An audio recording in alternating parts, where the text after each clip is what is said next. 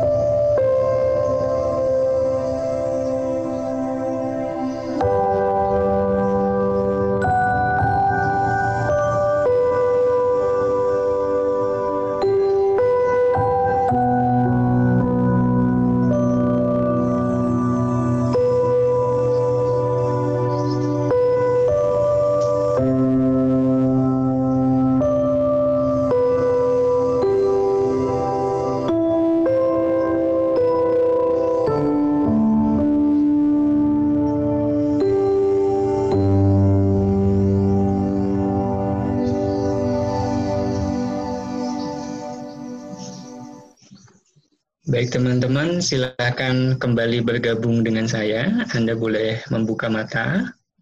Mudah-mudahan sesi Reconnect to Yourself ini bisa menjadi salah satu alternatif untuk kita keluar dari kejenuhan kita, ketegangan-ketegangan kita, dan mudah-mudahan uh, semakin sering ini dilakukan, semakin membuat kita uh, lebih mudah kembali ke uh, situasi yang nyaman dengan diri kita.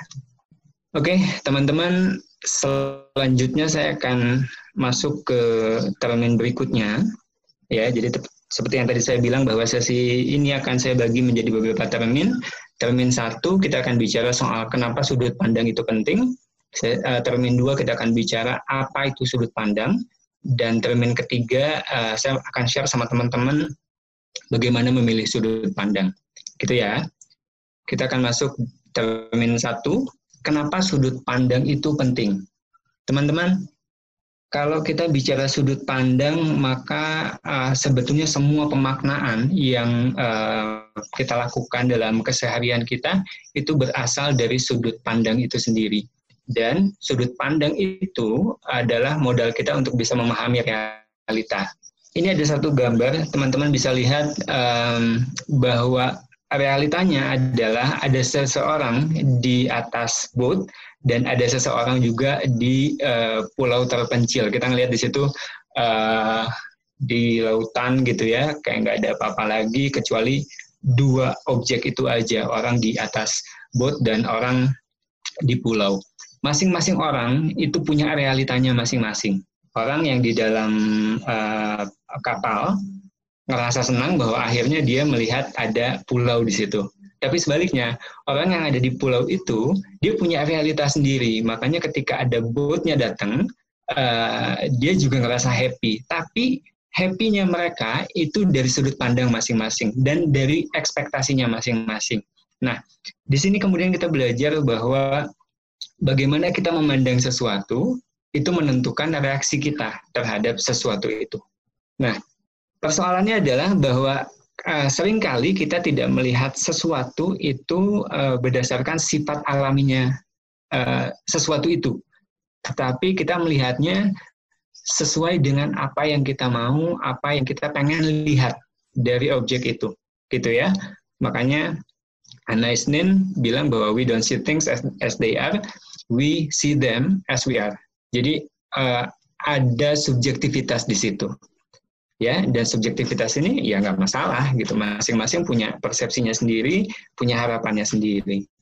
Nah itu yang pertama teman-teman bahwa sudut pandang itu penting untuk kita bisa memahami realita.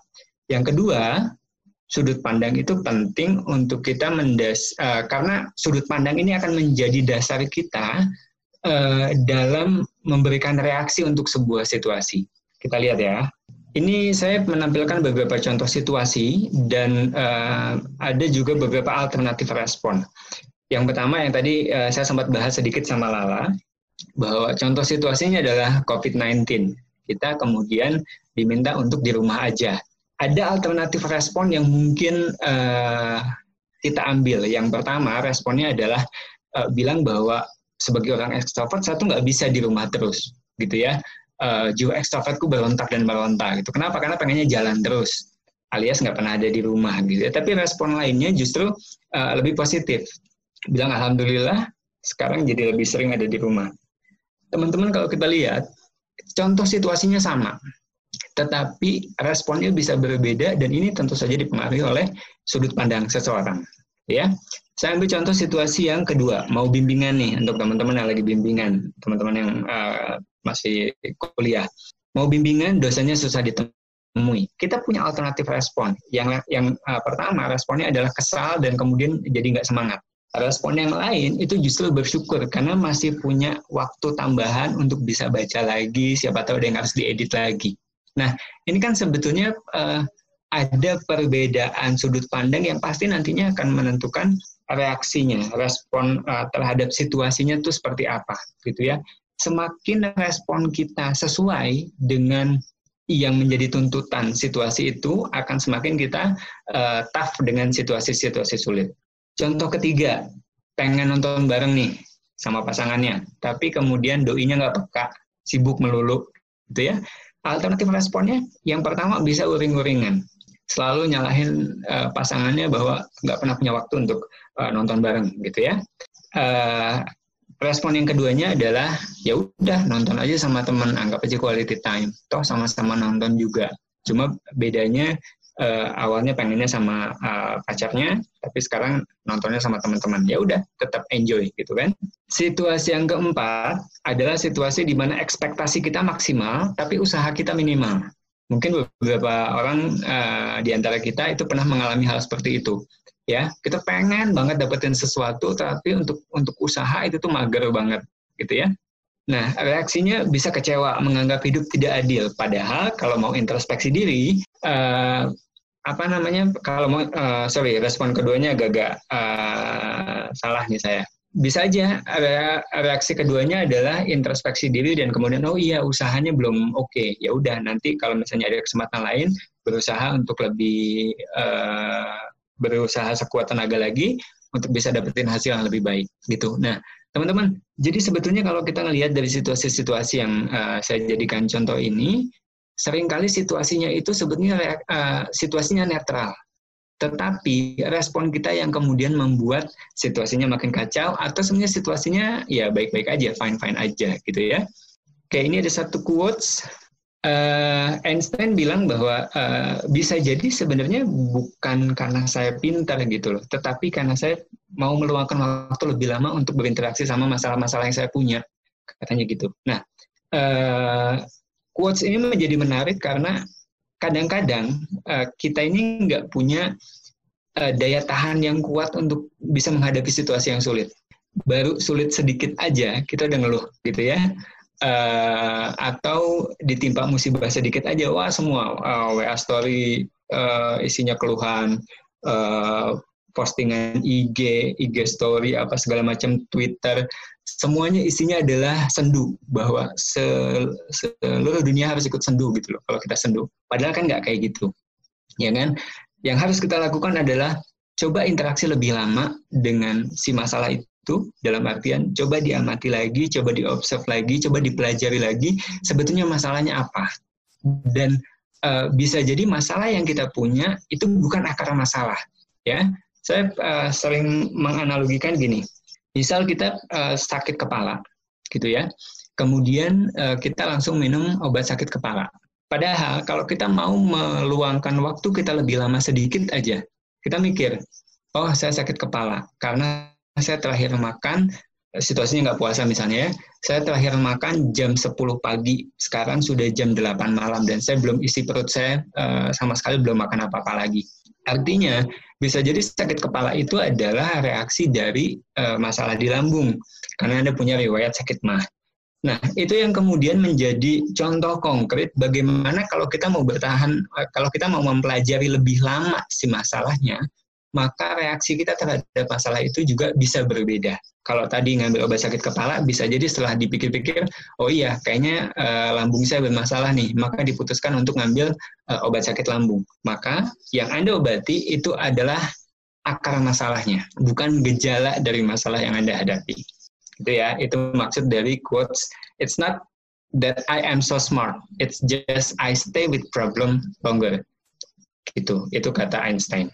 Ya, Oke, nah itu yang kedua, kenapa sudut pandang itu penting? Oh ya, teman-teman, ini mungkin uh, cuma sedikit aja yang saya kutip di sini. Mungkin ada banyak, uh, ada lebih banyak alasan kenapa sudut pandang kita itu penting. Tapi saya ngutip tiga aja, ya. Kita lanjutin ke poin selanjutnya. Dengan sudut pandang yang baik, kita juga lebih toleran terhadap pandangan yang berbeda. Nih, coba kita lihat ya, bahwa berbeda pendapat itu adalah wajar, teman-teman. Nih, saya pengen nunjukin uh, gambar, atau mungkin dari kejauhan teman-teman udah bisa lihat, ada yang langsung ngelihat bahwa uh, ini adalah seorang musisi yang lagi main uh, apa ini saksofon, gitu ya. Tapi mungkin ada juga teman-teman yang lain yang langsung melihat bahwa ini adalah siluet uh, wajah seorang perempuan rambutnya agak ke depan gitu ya, terus ada hidungnya, ada ada bibirnya dan seterusnya. Gitu ya. Mana yang benar? Dua-duanya benar, teman-teman. Oke. Okay? Nah, jadi berbeda pendapat itu wajar, tergantung dari sudut mana yang uh, dipakai untuk melihat, gitu ya. Nah, selanjutnya supaya tidak mudah menyalahkan. Yuk kita lihat gambar berikutnya. Di gambar berikutnya kita lihat bahwa ada dua orang laki-laki yang yang satu bilang bahwa baloknya ada empat, yang satunya lagi bilang bahwa baloknya ada tiga, gitu ya. Uh, ini tadi gambar yang kedua supaya tidak mudah menyalahkan, ya. Uh, cobalah lihat dari sisi yang lain. Ini gambar kedua dan gambar ketiga mau saya coba gabung nih ya. Nih, uh, di sini ada tulisan reality can be so complex that equally valid observation from different perspective can appear to be contradictory. Jadi memang kalau kita ad, uh, mengobservasinya dari sisi yang berbeda bisa jadi ada perdebatan gitu, jadi ada uh, kontradiksi. Kita lihat gambar ke uh, tiganya, ya. Kalau kita ngelihat ini uh, dua-duanya benar, yang satu ngelihat 6, yang satu ngelihatnya 9 gitu. Tapi uh, biasanya nih kalau kita kaku, kita jadi menyalahkan enggak kok 6 kok enggak kok 9 gitu. Jadi uh, selalu merasa bahwa kita yang paling benar. Nah, gimana nih caranya biar uh, kita enggak ngotot bahwa kita yang benar orang lain yang salah karena punya pandangan yang berbeda dengan kita. Gimana caranya supaya kita lebih bijaksana dalam melihat sesuatu? Di sini saya tulisin bahwa perspektif itu relatif. Pahami kebenarannya dan jadilah bijaksana. Apa maksudnya? Nih, di gambar keempat kita punya gambar uh, sebuah silindris. Bayangan yang satu memunculkan uh, persegi empat. Benar apa enggak? Benar. Di sisi yang satu, hasil bayangannya itu adalah lingkaran. Benar apa enggak? Benar. Tapi itu adalah perspektif. Kalau kita mau bijak, pahami betul kebenarannya. Bahwa kebenarannya itu adalah sebuah silindris. Yang kalau kita tahu bahwa itu silindris, maka kita akan ngebenerin dua-duanya tuh. Kita akan bilang benar sama dua-duanya. Yang bilang itu persegi panjang, iya benar, karena memang cahayanya dari mana dan uh, pantulan cahayanya menjadikan itu sebagai uh, persegi uh, persegi empat bujur sangkar dan yang satunya lagi pantulan bayangannya itu adalah lingkaran gitu ya jadi sebetulnya kalau kita mau bijaksana pahami dulu apa yang menjadi kebenarannya bukan meyakini betul apa yang menjadi perspektif kita gitu oke okay? nah jadi sekali lagi berbeda pendapat itu wajar supaya tidak mudah menyalahkan coba lihat dari sisi lain dan jadilah toleran dengan apa yang menjadi pendapat orang lain. Karena perspektif itu relatif, tapi pahami kebenarannya dan jadilah bijaksana. Itu termin pertama kita udah selesai soal kenapa sudut pandang itu penting. Itulah. Siap Kang. Wah, udah banyak insight-insight nih. Boleh lah kalau ada yang udah tanya. Oke, yang pertama dari Teh Sofina. Bagaimana jika kita sudah lebih lama untuk berinteraksi dengan masalah, namun malah menjadi overthinking? Lalu bagaimana untuk mengatasi hal tersebut? Terima kasih, katanya Kak. Oke, okay, overthinking ini kayaknya jadi jadi masalah yang common banget di uh, banyak orang ya, ya gitu. Uh, kenapa overthinking ini muncul? Bisa jadi karena kita hanya fokus sama masalahnya, ya. Kalau kita cuma fokus sama masalahnya dan sedikit porsi kita untuk memikirkan solusinya, maka yang akan kita pikirin ya terus-terusan masalahnya, bukan how to solve the problem. Gitu. Jadi kalau ditanya gimana caranya biar nggak uh, overthinking, digeser dulu fokusnya. Masalah ini ada untuk membuat kita berkembang. Kalau uh, nyambung ke pembahasan sebelumnya ya, Kang Alwin itu sempat bilang, kalau uh, kitanya resilient, maka kita akan sadar bahwa masalah kita kemarin itu bikin kita kuat hari ini. Gitu. Jadi jangan diratapi masalahnya, tetapi dipikirkan solusinya. Sama kayak kalau banyak tugas nggak usah dipikirin, tetapi dikerjain. Kerjain. Iya, kayak gitu. Ya, mudah-mudahan menjawab. Ada lagi lah? Oke Kang, pertanyaan selanjutnya ini mengenai ini nih situasi pekerjaan. Gimana kalau misalnya ada teman dalam satu tim yang selalu berbeda sudut pandang. Pada akhirnya kita sering okay. melakukan think win-win atau win-win solution mungkin ya. Mm -hmm. gitu kan. Oke. Okay. Uh, eh, gini, kalau kita ngomongin interaksi kita sama orang lain uh, di sesi sharing sebelumnya di makna aksara, saya sempat sharing bahwa uh, yang terpenting untuk kita lakukan adalah sorry lah, kita fokus sama hal-hal yang uh, ada dalam kendali kita. Dalam case yang tadi, kalau kita terus-terusan mikirin uh, sikapnya orang, bagaimana prestasi kerjanya orang, itu adalah hal-hal yang di luar kendali kita. Dan itu menghabiskan waktu, menghabiskan tenaga, dan nggak akan jadi apa-apa. Cuma berharap orang lain sikapnya berubah. Sesuatu yang di luar kendali kita banget. Tapi kalau kita mau melakukan sesuatu untuk improve kualitas uh, tim kerja kita, maka kita uh, fokus pada sikap kita kepada dia. Kenapa? Karena kalau sikap kita positif sama dia, nggak mungkin dong returnnya itu uh, hal yang negatif dari dia. Ya, oke okay lah. Mungkin aja sih kalau memang tabiatnya dia uh, negatif ya bisa aja dia bereaksi negatif sama kita, gitu ya. Tetapi itu um, pada prinsipnya adalah bahwa kita hanya fokus pada hal-hal yang kita bisa kendalikan. Pikiran kita, sikap kita, emosi kita, dan ekspektasi kita gitu. Nah, ekspektasi ini juga penting. Kenapa? Karena kadang-kadang kita doing nothing, uh, tapi hanya berharap bahwa orang lain sikapnya berubah. Kita nggak pernah ngomong sama dia, kita nggak pernah negur, kita nggak pernah ajak dia diskus, tapi pengen dia berubah dengan sendirinya. Ya, yang ada kita akan capek hati. Okay. Gitu ya lah. Ya Kang, makasih ya Kang pertanyaan eh jawabannya. Oke. Okay. Ada lima iya. pertanyaan lagi kan? Masih ada? aja. Uh, satu lagi deh. Oke, okay, satu ya. Apakah ada batasan konkret untuk bertoleran bertoleransi? Kalau ada itu apa Kang? Oke, okay. uh, eh, apakah ada batasannya untuk bertoleransi? Enggak, itu subjektif. Kita uh, jangan memaksa diri kita. Jadi gini, uh, sebetulnya banyak masalah yang terjadi dalam diri kita itu itu muncul dari uh, kita terlalu memaksakan gitu ya. Jadi saya pengen coba relate dengan uh, apa yang disampaikan sama Mbak Hani hari kemarin bahwa ya kadang-kadang sesuatu yang kita lakukan subjektif nggak usah kemudian kita batasi bahwa kita harus begini kita harus begitu dan kemudian uh, gitu ya. Jadi kalau ditanya batasan ya udah lakukan sesuai kesanggupan aja ada yang toleransinya toleransi banget gitu ya nggak pernah negur uh, atau uh, konteksnya apa ya kalau dalam pertanyaannya Lala nangkep nggak? Apa ya Kang? Kayaknya ini benar-benar luas sih Kang. Nggak... General ya, oke. Okay. Oke, okay, kalau gitu jawaban saya juga general. Intinya adalah bahwa lakukan sesuai dengan kesanggupan. Sama kayak kemarin uh, contohnya dari Mbak Hani, kalau kita mau uh, donate gitu ya. Kita punya 10 ribu, apakah harus didonasikan semuanya? Enggak, kita harus pikirin juga diri kita. Nah, uh, toleransi juga begitu. Apakah kita betul-betul harus menerima orang apa adanya dan kemudian kita nggak boleh nuntut apa-apa?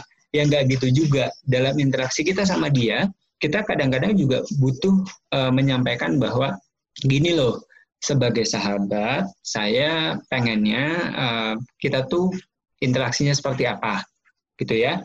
Uh, atau sebagai sahabat saya tuh pengen loh kalau kita beda pendapat itu ya kita duduk baik-baik nggak usah kemudian kita jadi uh, bersih tegang kayak gitu ya. Uh, atau misalnya ada tuh yang beda pendapat kemudian tiba-tiba dia left dari grup. Nah toleransi kita apa? Kita bisa ngebiarin dia banget itu juga toleransi. Oh ya udah kasih dia waktu. Tapi toleransi yang lain seperti apa? Kita japri dia. Kamu kenapa sih kamu ada masalah ya? Kamu cerita dong sama aku. Itu juga bentuk toleransi yang lain. Oh, gara-gara tadi kita beda pendapat ya? Ya udah, kalau gitu kita nggak usah ngomong di grup. Atau misalnya uh, ada kesalahpahaman karena kita uh, texting gitu ya. Coba telepon, jelaskan baik-baik. Itu juga bentuk toleransi. Dan uh, nggak usah kemudian kita jadi ngotot. Kita boleh bertahan dengan uh, pendapat kita, tetapi juga uh, kita nggak boleh saklek bahwa pendapat kita yang mutlak benar gitu. Mau ke menjawab ya? Siap Kang. Oke. Okay. Terima kasih. Uh, masih ada empat yang tadi ya. Kita skip dulu. Ya, Saya masuk dulu ke materi selanjutnya lah ya. Oke okay, Kang. Oke. Okay. Kalau tadi kita ngebahas soal kenapa sudut pandang itu penting, uh, kenapa sisi Y-nya di, disampaikan duluan supaya kita lebih punya uh, alasan soal kenapa sih kita harus punya sudut pandang yang baik dan sudut pandang yang baik itu yang seperti apa dan uh, kenapa kemudian sudut pandang yang berbeda itu adalah wajar dan seterusnya gitu ya. Nah, baru sekarang kita ngebahas soal apa itu sudut pandang. Sudut pandang juga uh, sebetulnya punya beberapa beberapa penerapan gitu ya. Ini penerapan yang pertama nih. Coba Lala dan teman-teman yang lain lihat gambar di uh, pojok atas itu. Itu ada sudut pandangnya enggak? Ada sudut pandang ya dalam ada. menggambar dalam uh, bikin sketsa itu uh, disebutnya two point perspektif ya perspektif dua uh, dua titik uh, perspektif. Nah, ini memang definisi dalam menggambar. Tapi mari kita amati pelan-pelan apa yang dimaksud dengan sudut pandang. Bahwa sudut pandang adalah seni menggambarkan objek-objek tiga dimensional pada permukaan dua dimensional sehingga diperoleh kesan yang tepat baik secara panjang, lebar, kedalaman, dan posisi objek-objek tersebut satu sama lain ini sekilas mungkin nggak nyambung, tetapi saya pengen pengen uh, kita berawalnya dari sini bahwa di luar diri kita kita melihat begitu banyak objek, kemudian kita tempatkan di kepala kita, ya, dengan berbekal dari pengalaman, apa yang udah pernah kita baca, apa yang udah pernah kita tahu dari orang, bagaimana kita uh, mengembangkan diri sebelum kita memaknai objek itu, gitu ya. Kemudian muncul kesan. Kesannya itu segala macam di kepala kita. Uh, sifat objeknya seperti apa, kita mempersepsikan warna, kita mempersepsikan uh, ada kejadian, kejadian menyenangkan, kejadian tidak menyenangkan, ada orang-orang yang baik, ada orang-orang yang jahat, kayak gitu-gitu. Itu sama gitu, bahwa ada objek-objek yang kemudian digambarkan pada permukaan yang lain gitu, dan kemudian dia punya kesan sendiri, gitu ya. Nah, coba kita lihat uh, pemahaman sudut pandang dari uh, hal yang lain. Nah, kita juga mengenal point of view dalam uh, writing, dalam menulis, gitu ya. Sudut pandang menunjukkan siapa yang sedang berkisah tentang sebuah cerita. Ada sudut pandang orang ke satu, ada sudut pandang orang kedua, ada sudut pandang orang ketiga. Ini apa nih maksudnya? Kadang-kadang dalam dalam berinteraksi sama orang, sudut pandang ini juga uh, memainkan peran penting. Ada yang selalu bilangnya, eh kalau saya tuh, kalau saya tuh, kalau saya tuh, maka uh, semua harus terfokus sama dia. Ada juga sudut pandang yang selalu, ih kalau dia mah begini, dia mah begitu, selalu comparing. Ada juga gitu. Nah, tapi uh, mana yang baik? Yang baik adalah ketika kita tahu menempatkan kapan kita harus berbagi cerita untuk menginfluence orang lain, kapan kita harus Eh, menjadikan orang lain sebagai sumber inspirasi kita dan kemudian kita mendudukkan diri kita di posisi yang tepat supaya kita nggak minder tapi juga nggak uh, overconfidence ya. Ini penting balik laginya ke sudut pandang. Nah yang pengen kita omongin hari ini sebetulnya adalah sudut pandang dari perspektif kita sebagai manusia. Maka sudut pandang didefinisikan sebagai kapasitas kita ya untuk melihat uh, sesuatu uh, uh, dikaitkan dengan itu penting apa enggak sih? Dan uh, hubungannya apa sih? Relate apa enggak sih sama sama fokus kita hari ini gitu ya. Di poin selanjutnya uh, yang saya pengen share adalah bahwa sudut pandang merupakan titik di mana seseorang melihat sesuatu. Itu yang pertama. Yang kedua sudut pandang adalah hasil dari segala pengaruh dalam kehidupan seseorang. Yang tadi saya bilang dari mulai pengalaman, interaksi sama orang, apa yang kita tonton, apa yang kita dengar, uh, tadi apa yang kita baca, apa yang kita pelajari, itu semua akan mempengaruhi bagaimana kita melihat sebuah uh, kejadian, bagaimana kita berespon terhadap sebuah situasi. Dan makanya di poin ketiganya saya bilang sudut pandang menentukan sikap seseorang terhadap sesuatu atau kejadian. Karena tadi di uh, termin sebelumnya saya bilang juga bahwa bisa jadi sesuatu kejadian itu itu tuh netral. Kita yang membuatnya menjadi negatif atau positif atau biasa aja. Tergantung dari apa? Tergantung dari bagaimana kita melihat relationship dan relative importance. Nah, ini penting apa enggak sih buat kita pikirin? Kita uh, bisa menentukan, kita bisa menyeleksi nih. Oh, sesuatu ini penting buat kita pikirin. Ya udah kita pikirin. Tapi ada juga yang enggak dan kemudian kita abai dengan itu, gitu. Selanjutnya saya pengen bahas soal apa sih pengaruhnya sudut pandang yang kita punya. Pengaruhnya, nih saya uh, pas lagi nyiapin materi ini, saya baca satu nama, namanya adalah Dr. Kate uh, Abel. Beliau adalah psikolog klinis kayak Alwin dan kayak Icem, Icem ada di sini ya. Uh, dia bilang dalam bukunya uh, di highlight sebagai judul buku bahwa perspektif affect everything. Artinya apa? Banyak hal yang kemudian muncul gara-gara perspektifnya seseorang.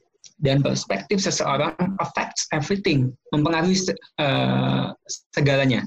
Saya pengen rangkum menjadi tiga poin aja sih kalau ingat-ingat uh, ingat -ingat dari pengalaman terdahulu gitu ya bahwa pengaruh dari sudut pandang adalah kita bisa menerima masa lalu dengan pemaafan, ya. Kenapa? Karena dengan sudut pandang yang uh, lebih bijaksana, kita akan berpikir bahwa oke okay, masa lalu itu memang nggak bisa kita kendalikan, cuma bisa kita terima. Untuk hal-hal yang tidak menyenangkan ya udah nggak ada lagi yang bisa kita lakukan kecuali pemaafan. That's it. Dan pemaafan ini bisa uh, berlaku general, bisa untuk diri kita, bisa untuk orang lain. Misalnya gini, kita pernah mengalami masa lalu di mana kita gagal ujian, kemudian kita eh, tadi ya uh, contohnya kita ujian, kemudian kita persiapannya nggak matang dan kemudian kita nggak lolos. Kemudian kita menerima itu tidak dengan berontak, tidak dengan bilang bahwa hidup tidak adil, tetapi dengan berpikir bahwa oh iya, besok-besok kalau saya punya kesempatan untuk ujian lagi, saya harus bersiap lebih oke okay, supaya hasilnya lebih oke. Okay.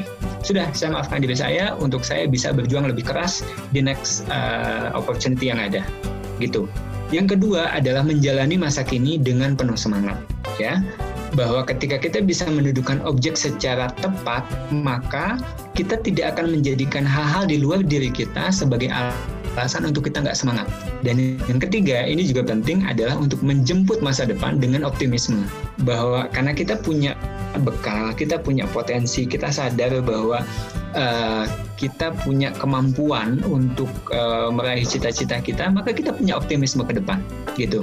Nah, balik lagi ke pembahasan saya tadi di awal, ketiga ini sebetulnya adalah hal-hal yang sepenuhnya berada di bawah kendali kita. Bahwa kita menerima masa lalu, kita bisa kendalikan nggak? Iya bisa.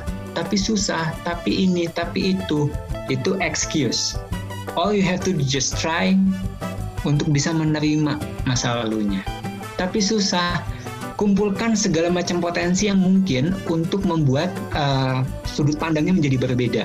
Nanti saya akan bahas di termin selanjutnya soal bagaimana kemudian kita punya uh, sudut pandang yang lebih positif, gitu ya. Itu juga berlaku uh, soal bagaimana kita menjalani masa kini dengan semangat.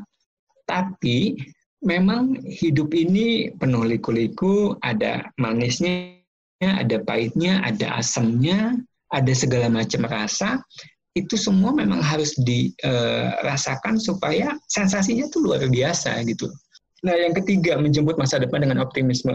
Benar gitu? Itu uh, di dalam kendali kita di seri, di, di uh, sharing session sebelumnya saya pernah bilang bahwa masa depan itu bisa kita jemput dengan apa yang kita lakukan hari ini. Yang kita lakukan hari ini itu memang di dalam di, di bawah kendali kita. Jadi berbuatlah baik supaya nanti kita dapat kebaikan sebagai buah dari apa yang kita tanam. Gitu. Makanya beberapa slide saya ke depan nanti akan juga menyampaikan soal uh, ya mungkin kita nggak dapat apa-apa dari apa yang kita lakukan hari ini. Tapi Mbak Hani kemarin bilang pay it forward. Nanti juga akan ada kok manisnya. Nanti juga akan ada kok masa panennya. Permasalahannya kadang-kadang kita nggak sabar bahwa apa yang kita tanam hari ini harus nanti sore kita panen. Ini uh, makanya bahasanya adalah menanam kebaikan, bukan memasak kebaikan kalau memasak kebaikan hari ini kita uh, siang ini kita bikin selesai masak kita langsung bisa makan tuh. Tapi menanam kebaikan itu perlu proses gitu supaya si kebaikan itu tumbuh dulu menjadi buah yang lain tapi uh, bisa jadi malah lebih punya manfaat buahnya buat kita. Gitu. Ya. Saya coba lihat nextnya apa. Oh ya, oke. Okay. Kayaknya termin dua kita udah selesai, Pak. Oke, Kang. Langsung ke pertanyaan aja ya, Kang. Boleh, kalau sudah ada yang bertanya. Jadi tapi ini yang nanyanya masih dari sesi pertama tadi Kang, nggak apa-apa? Oh nggak apa-apa. Oke. Okay. Kita lanjut dulu aja.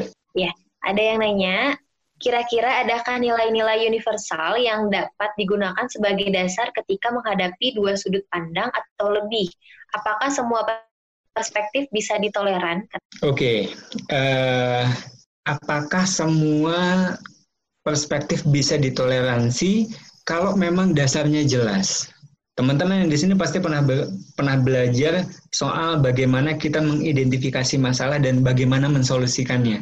Ketika itu berangkat dari masalah yang jelas, ketika masalahnya sudah dipelajari dengan uh, benar dan kemudian muncul pemaknaan, muncul uh, kesan dari masalah itu, ya memang tidak ada yang salah gitu. Dan kalau ditanya, adakah eh, nilai-nilai uh, universal? Ya sebenarnya gini, nilai universalnya itu pasti akan muncul di satu dua perspektif uh, di satu dua perspektif yang muncul untuk sebuah uh, kejadian itu, untuk sebuah uh, situasi itu, gitu.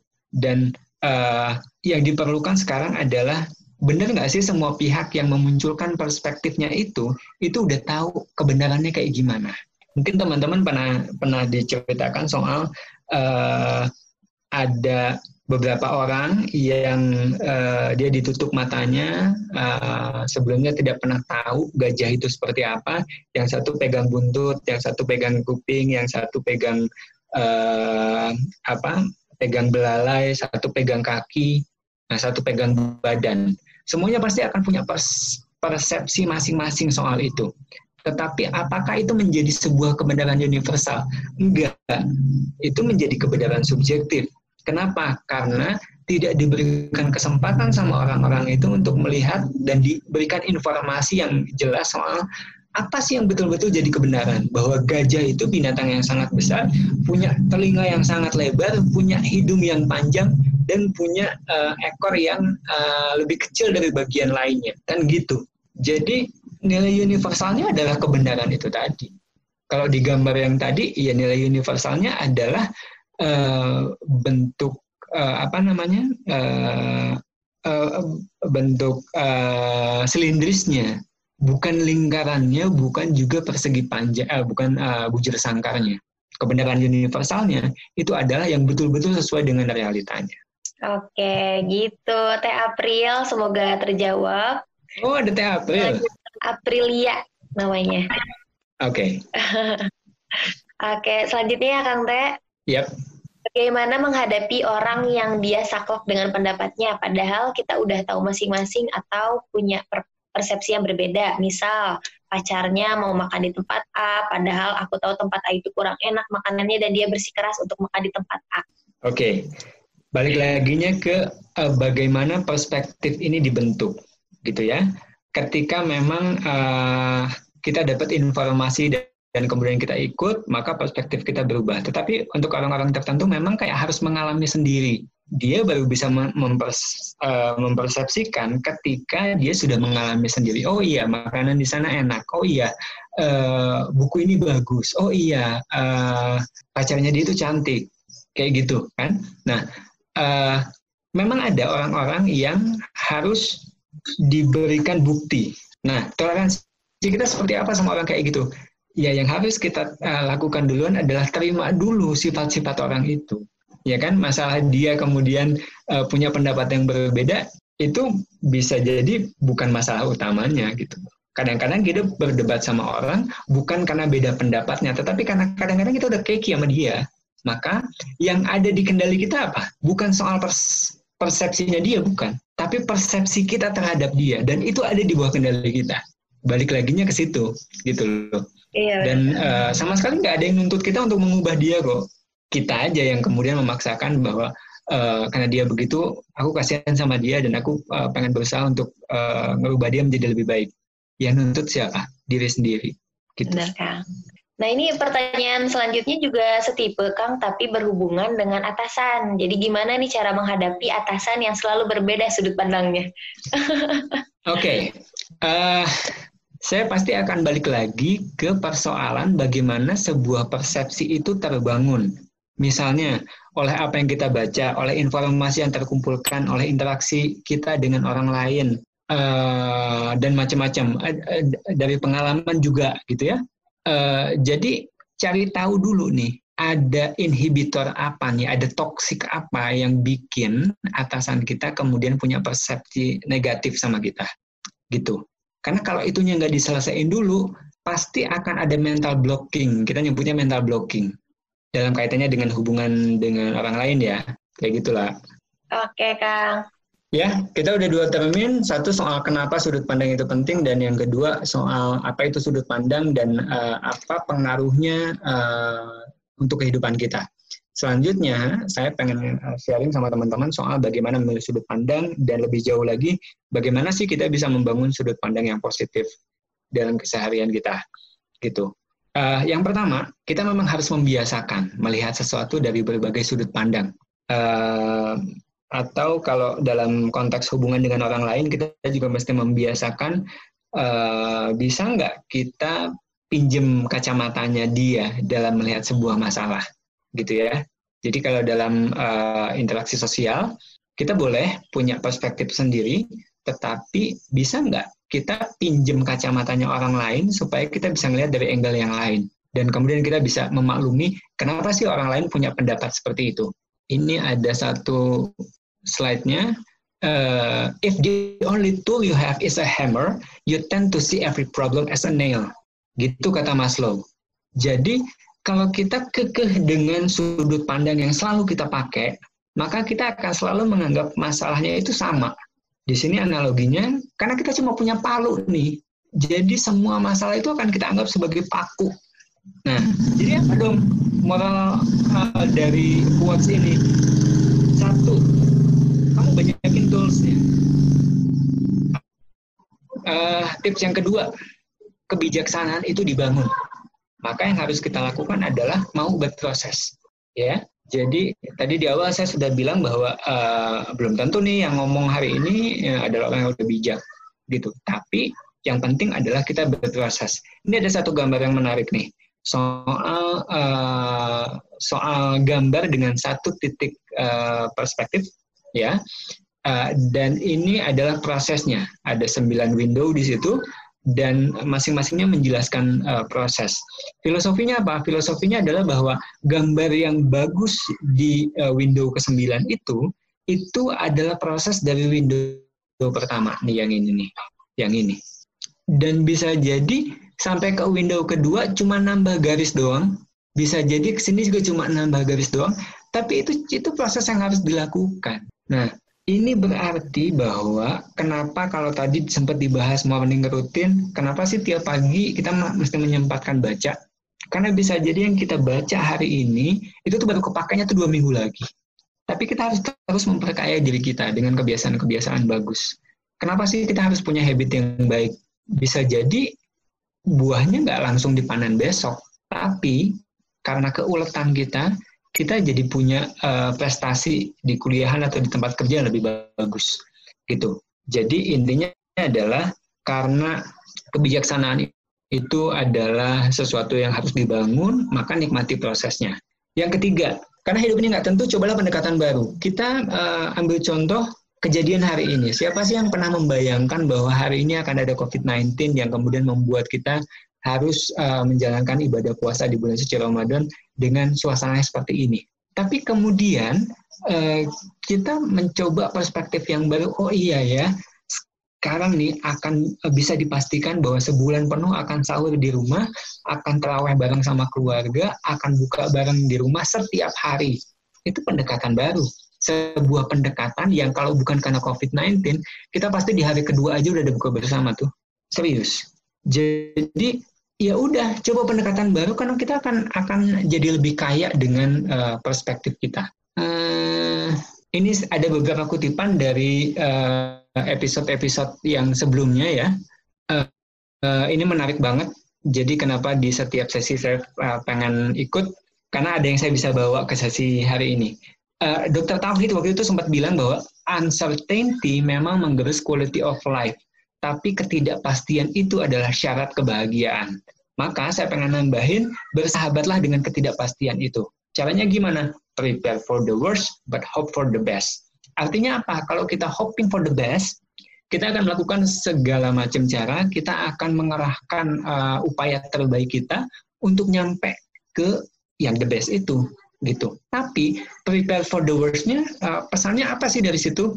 Bahwa ada yang maha menentukan loh.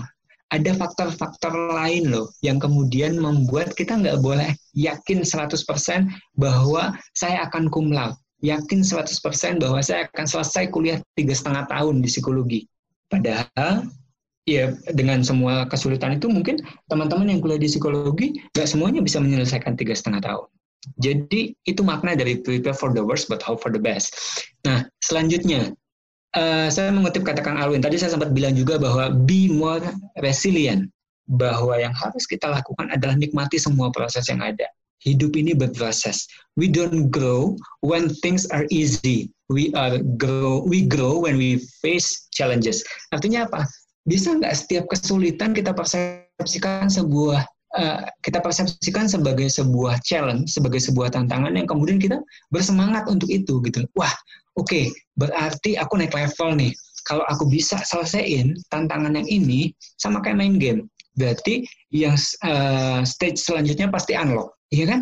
Jadinya lebih menyenangkan yeah. bahwa gue nggak butuh lagi games di gadget, bahwa hidup gue aja udah kayak penuh challenge. Jadi tinggal selesaiin tugas hari ini supaya besok stage-nya naik dan udah unlock gitu. Ya kan? Dan soal resilient ini, uh, quotes yang uh, salah satu quotes the best-nya adalah fall fall down seven times, stand up eight. Mungkin kita akan sering terjatuh, tapi yang terpenting rumusnya adalah jumlah bangkitnya kita adalah N plus 1. Jadi bangkitnya 7, berdiri laginya itu 8. Gitu ya. Nah, eh, terakhir yang kemarin Mbak bilang bahwa kalau hidup kita bahagia terus nih, mungkin kita nggak akan bahagia lagi. Kenapa? Karena kita udah biasa bahagia, ya kan? Nah, pesan moralnya dari situ apa? Ya udah, ketika memang situasinya lagi bikin kita nggak bahagia, sabar. Kalau lagi bahagia banget, bersyukur. Udah, itu aja gitu rumusnya. Antara sabar, syukur. Sabar, syukur. Kenapa? Supaya kita uh, punya titik netral yang enak untuk kita bergeser. Oh, kapan kita happy? Oh ya, di stop sama syukur. Syukur itu kan jadi jadi sesuatu yang bikin kita nggak berlebihan uh, merayakan sesuatu. Tetapi sabar juga itu menjadi uh, sebuah buffer system atau menjadi sebuah uh, sebutlah bumper gitu ya supaya kita nggak jatuh terlalu jauh uh, dengan apa yang menimpa kita di sisi yang uh, secara emosional negatif nggak menyenangkan. Gitu ya. Saya balik dulu ke uh, slide-nya. Nah uh, bagaimana memilih sudut pandang? Pay it forward. Apa artinya yang tadi saya bilang mungkin kebiasaan-kebiasaan kita melihat sesuatu itu nggak dibayar kontan, tetapi kebahagiaan itu akan muncul kok ketika misalnya uh, ada kesedihan, kita nggak dikit-dikit, sedih dikit, kita pasang status, happy dikit, kita pasang status juga. Itu sebetulnya salah satu insight yang saya pengen bagi setelah hampir dua bulan saya diet medsos. Uh, terutama untuk uh, Instagram saya cuma buka via web dan itu paling durasinya uh, cuma 5-10 menit aja per hari. Bayangkan teman-teman bisa bisa ngukur gitu ya ketika kita mengakses itu melalui aplikasi. Nggak ada keperluannya pun kita pasti scrolling. Nggak ada keperluannya pun kita pasti stalking. Nggak ada keperluannya pun kita biasanya browsing gitu. Ya, jadi uh, mungkin sesi lain nanti kita bahas soal uh, diet medsos. Saya lanjutin dulu poin selanjutnya adalah kadang hidup itu punya pola, tapi perlu diingat juga bahwa kadang-kadang juga acak. Artinya apa? kalau kita nyaman dengan pola yang udah ada, begitu polanya nggak sesuai, maka kita akan kecewa. So, kita harus siap-siap dengan sesuatu yang acak dari hidup kita. Tadi nyambungnya ke uh, uncertainty tadi, ya. Kemudian sudut pandang itu dipengaruhi oleh banyak hal. Makanya di poin terakhir saya kasih tips bahwa baca buku, dengerin podcast, gaul sama orang-orang yang punya grow mindset itu adalah modal kita untuk uh, punya sudut pandang yang baik, uh, terutama untuk yang bergaul dengan grow mindset person, itu bisa membuat kita punya teman untuk bertukar pikiran. Gue punya masalah ini, menurut lo gimana? Kalau gue kayak begini gimana? Dan seterusnya dan seterusnya. Gitu, ya.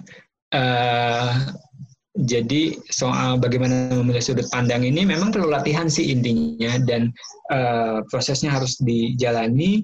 Di sisi yang lain kita juga harus melengkapi diri kita dengan persenjataan yang lengkap. Apa itu? Itu poin terakhir yang tadi saya bilang. Bisa dari baca buku, dengerin podcast, dengan siapa kita bergaul, dan uh, memilih apa yang uh, memilih bagaimana kita berinvestasi dengan waktu gitu ya. Ada yang investasinya, uh, eh, ada yang menghabiskan waktu dengan uh, tadi contohnya main medsos. Saya saya bilang nggak salah, tetapi ketika kita nggak punya kontrol terhadap apa yang kita lakukan, itu kondisinya menjadi lebih parah. Begitu soal bagaimana memilih sudut pandang. Ini masih ada lanjutannya nggak ya? Oh nggak ada. Gitu lah. Keren banget Kang. Tapi sumpah sih Kang kerasa banget cara Kang T melihat sebuah masalah kayak waktu itu nih sedikit bercerita pernah janjian buat breakfast sama Kang T.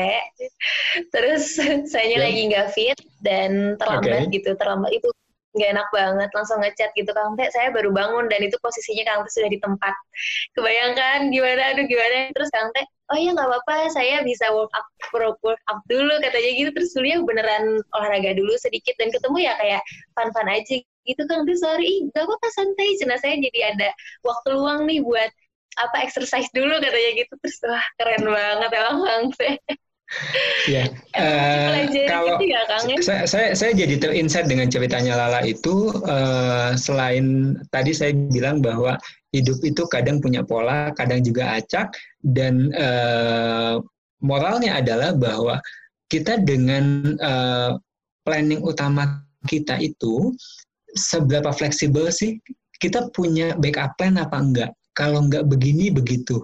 Nah, itu juga kemudian uh, jadi satu pendekatan sih, dan itu kita harus coba gitu ya.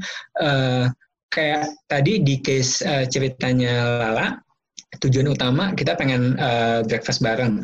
Tapi ternyata uh, Lala datangnya telat. Saya punya backup plan berupa apa? Berupa olahraga yang lokasinya memang nggak jauh dari tempat uh, kita janjian.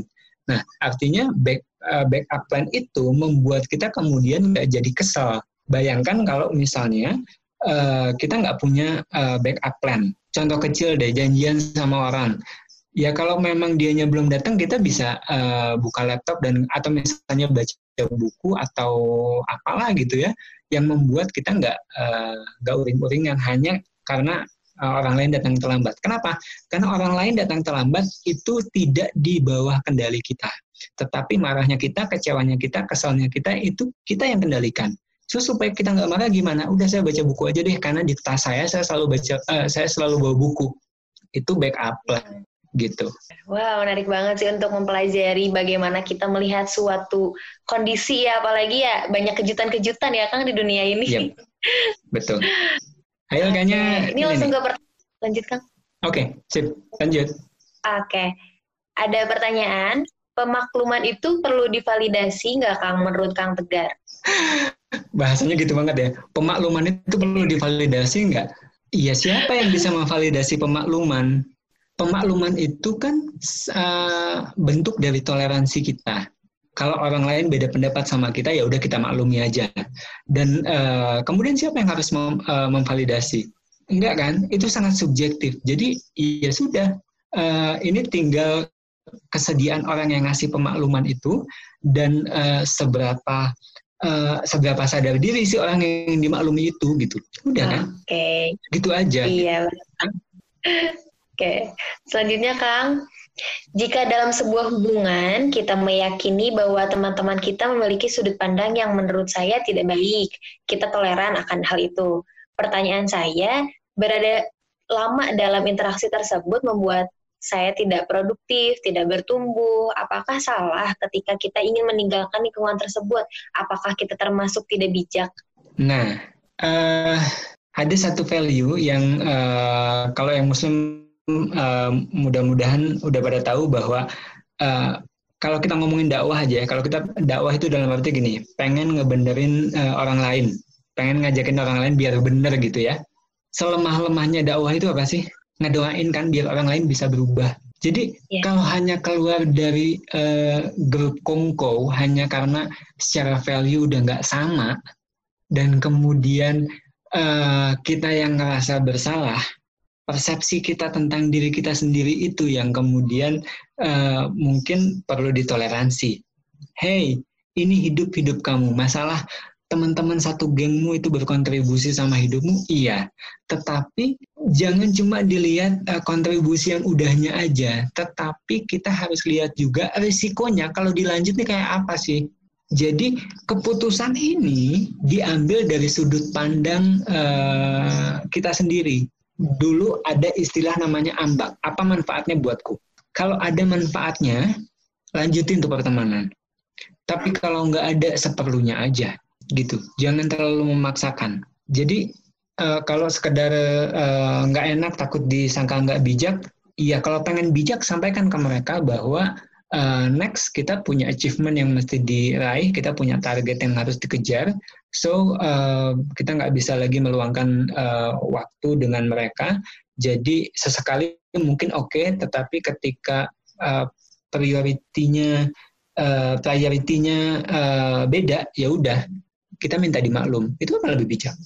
Yang bikin kita nggak bijak sebetulnya ketika kita langsung hilang, kemudian nggak ngasih kabar, nggak ngasih penjelasan, kalau kita di posisi mereka, kita juga pasti akan menebak-nebak. Dengan kata lain, ada hubungannya bijaksana dengan pola komunikasi. Kita salah, nggak mau mengakui kesalahan, nggak mau minta maaf, itu tidak bijak. Orang lain salah, kemudian uh, orang lain terus dipojokin, itu juga tidak bijak. Kenapa? Karena komunikasi yang efektif harusnya memberikan uh, apa namanya, memberikan manfaat untuk semua pihak yang terlibat. Jadi bijaksana itu begitu juga serupa lah dengan itu. Gitulah. Oke, okay. thank you Kang Te. Iya. Masih sama-sama. ada waktu ya Kang? Masih ada. Oke. Okay, masih, masih ada waktu. Apakah kita salah kalau mengatakan jangan lupa bahagia dengan semua keadaan yang terjadi? Misal niatnya menghibur diri sendiri atau orang lain pas lagi susah gitu, atau memang sedih ya udah sedih dinikmati katanya gitu kan? Loh, jangan lupa bahagia itu kan jadi self reminder kita gitu loh.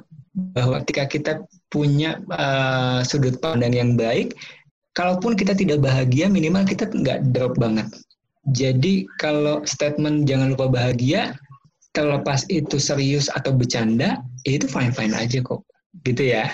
Oke kang. Masih ada kang? Oh oke. Okay. dari Dea ini akang atau teteh? Ya Katanya bagaimana cara mengontrol ekspektasi kita terhadap seseorang, bagaimana pemaknaan yang sesuai terhadap respon buruk seseorang terhadap sikap baik ataupun niat baik yang telah kita lakukan. Karena terkadang ada rasa percuma berbuat baik terhadap seseorang yang tabiatnya buruk menurut sudut pandang kita. Oke, okay. nah uh, saya berangkatnya dari yang uh, statement terakhirnya dulu ya.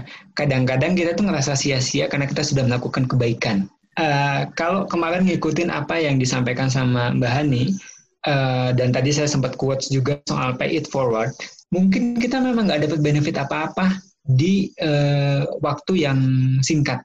Kita baik sama orang, terus uh, sikapnya dia nggak baik sama kita, itu aja udah nggak dibayar kontan tuh, gitu. Tapi coba dari perspektif yang lain dilihatnya gini, kita baik aja, respon orang lain bisa nggak baik loh. Apalagi kalau kita responnya nggak baik. Apa kabarnya kayak gitu? Itu udah pasti tuh. Kita baik aja masih dijahatin sama orang. Lah kalau kita jahat, ya kita masuk penjara. Ya kan? Uh, lah, saya lupa uh, statement pertanyaannya di awal gimana? Katanya, nasi, oh ini. Pemaknaan ekspektasi untuk mengontrol oh. ekspektasi kita terhadap seorang. Oke, okay. untuk mengontrol ekspektasi kita terhadap seseorang. Uh, sering kali ekspektasi kita itu didasarkan pada apa yang kita mau, bukan pada realitanya kita itu punya apa. Contoh, kita punya teman, kita nggak pernah uh, kita nggak pernah uh, mendeskripsikan dia itu seperti apa. Kemudian kita belum pernah menerima dia apa adanya, kita udah punya ekspektasi yang tinggi sama dia. Persoalannya di mana? Persoalannya mungkin bukan ada di dianya, tetapi soal bagaimana kita mengharapkan semua hal di muka bumi ini sesuai dengan keinginan kita. Nah, kalau gitu, eh, apa yang bisa kita lakukan? Yang bisa kita lakukan adalah, ya kita lihat dulu. Kalau kita punya teman, teman itu dia sebenarnya sifat-sifatnya kayak gimana sih? Apa yang dia bisa kasih ke kita, apa yang kita bisa dapat dari dia, gitu ya uh, bukan dalam konteks friend with benefit, tapi dalam arti eh, hal-hal apa sih yang kita bisa harapin dari dia, atau mungkin dalam uh, romantic relationship itu mungkin lebih lebih tinggi lagi ekspektasinya. Kalau memang dia tipikal orang yang jarang ngomong, uh, sementara kita pengennya sorry, uh, kita pengennya tiap hari ngobrol banyak gitu. Mungkin nggak sih? Ya nggak mungkin. Jadi ekspektasi itu harus kita counter dengan uh, kita reality checking. Oh iya, ternyata pasangan saya itu adalah orang yang uh, tidak suka keramaian. Jadi uh, ya paling uh, bisa ke resepsi nikahan bareng juga itu udah udah alhamdulillah. Gak mungkin misalnya uh, apa uh, melakukan kegiatan lain yang yang sifatnya sosial dan melibatkan banyak orang ya udah gitu loh counter ekspektasi kita dengan reality checking yang kita lakukan Wow. Ya sebetulnya nggak uh, banyak sih yang kita bisa lakukan. Kalau menurut saya ya uh, hal paling mungkin yang kita lakukan adalah dengan uh, ya kalau ekspektasi kita di awang-awang bikin itu jadi jadi ada di darat dulu gitu loh. Bikin itu jadi napak dulu buat kita. Kalau itu nggak napak ya memang akan di awang-awang. Dan kita akan akan terus mengharapkan di awang-awang itu gitu ini kan ada yang ketinggalan katanya bagaimana pemaknaan yang sesuai terhadap respon buruk seseorang terhadap sikap baik ataupun niat baik yang telah kita lakukan katanya Kang. Hmm, bagaimana pemaknaannya? Coba yeah. diulang lagi lah, belum dapat poinnya. Bagaimana bagaimana pemaknaan yang sesuai terhadap respon buruk seseorang terhadap sikap baik ataupun niat baik yang telah kita lakukan. Hmm, oke, okay. oke. Okay. Uh, eh, terasa berat sekali pertanyaan ini ya. Uh, bagaimana memaknainya? Ya dimaknai sebagai sebuah respon yang yang uh, yang apa adanya bahwa kebaikan kita memang bisa saja diterima uh, dengan cara yang beragam gitu. Uh, saya jadi ingat kemarin waktu Mbak Hani mencontohkan uh, kita ngasih sumbangan nih sama orang-orang yang terdampak COVID-19. Niat kita baik, tapi kemudian dia jadi tersinggung. Ya, bagaimana kita memaknai itu? Ya, kita memang harus pakai kacamatanya dia jadinya gitu loh. Bahwa oh ya udah, dia pengen dilihat sebagai orang yang punya uh, kapasitas, sebagai orang yang punya potensi untuk berdiri di atas kakinya sendiri dan kemudian uh, ya udah dia memang tidak mengharapkan bantuan dari kita gitu Iya, balik lagi nya kalau kita merespon negatif lagi, iya kita nggak ada bedanya sama dia. Maka yang bisa kita lakukan adalah ambil sudut pandang dari sisinya dia. Karena kalau nggak kayak gitu, kita hanya akan melihat dari sisi kita sebagai orang yang udah baik atau kita sudah berniat baik gitu.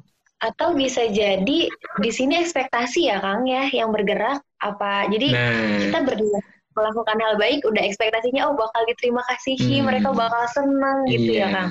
Betul betul betul. Itu juga itu juga berpengaruh lah. Uh, balik nya ke bahwa kebaikan yang kita lakukan itu bukan um, ya ya kalau memang uh, kita punya kebutuhan untuk di uh, notice sama orang ya oke okay lah gitu ya. Tetapi uh, kita juga harus mengembangkan perspektif bahwa kebaikan yang kita lakukan hari ini itu adalah untuk kita sendiri. Jadi kalau orang lain ya, baik sama apa pun. kita, syukur alhamdulillah. Betul, apa pun ya, reaksi ya. orang lain, tetapi pandanglah bahwa yang kita lakukan hari ini baik atau buruk itu akan balik lagi ke kita. So kebaikan yang kita lakukan hari ini buat siapa? Buat kita. Makanya uh, orang bijak ada yang bilang gini bahwa anggaplah kebaikan yang dilakukan hari ini itu sebagai celengan kebaikan. Dan yeah. kita nggak akan tahu kapan kita akan uh, memecahkan celengan itu. Okay. atau yang lebih gampang uh, analoginya saya ubah deh. Jadi bahwa kebaikan itu adalah ya ATM kebaikan gitu loh. Kita lagi ngisi ATM kebaikan. Dan kita nggak tahu kapan dan di mana kemudian kita butuh itu in return. Pastikan bahwa kita punya tabungan yang cukup ketika kita mau narik ATM kan gitu Jangan sampai uh, saldo kita 6 uh, eh, saldo kita 59.000, saldo mengendap harus minimal 10.000, kita mau tarik uang berapa? Tekor kan? Hmm. Yeah. Kenapa? Karena kita kurang menanam kebaikan. Kita kurang menabung kebaikan. Gitu.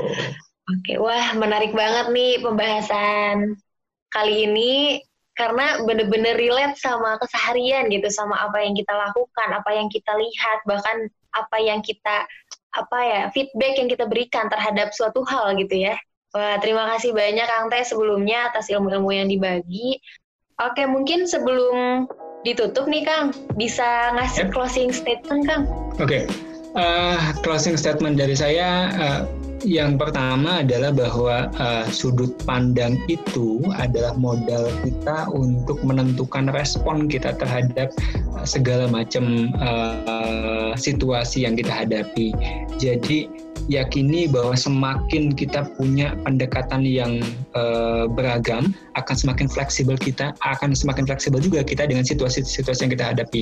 Yang senang kita tahu gimana ngadepinnya, yang sedih kita tahu gimana ngadepinnya, yang biasa-biasa aja supaya jadi uh, insight buat orang itu mesti digimanain, kita pasti akan punya modal itu. Jadi uh, perkaya diri kita dengan uh, semua uh, modal yang memang kita bisa kumpulkan sejak uh, hari ini. Makanya tadi saya bilang baca buku, dengerin podcast, kemudian gaul sama orang-orang yang uh, benar, bahkan uh, apa yang kita makan pun itu bisa menentukan uh, sudut pandang kita. Kenapa? Karena uh, efek dari makanan itu beda-beda. Saya ambil contoh, uh, daging merah dia punya efek sendiri, uh, ikan dia punya efek sendiri, sayuran dia punya efek sendiri. Artinya ketika kita ngerasa uh, lebih temperamen, coba deh lebih banyak makan sayur dibanding daging merah dan rasakan uh, itu itu bisa bisa uh, kerasa banget lah pokoknya gitu ya. Nah, jadi uh, karena memang sekarang kita udah tahu bahwa semakin beragam sudut pandang kita, uh, semakin uh, semakin tepat kita bereaksi terhadap uh, situasi yang kita hadapi, maka kembangkan itu terus. Paling itulah. Oke, Kante, terima kasih banyak atas waktunya, atas ilmu yang telah dibagikan. Sama-sama, terima kasih juga. Seperti untuk... biasa kalau ngobrol sama Kante. Amin. Uh, terima kasih juga buat teman-teman yang udah gabung ya di sesi ini.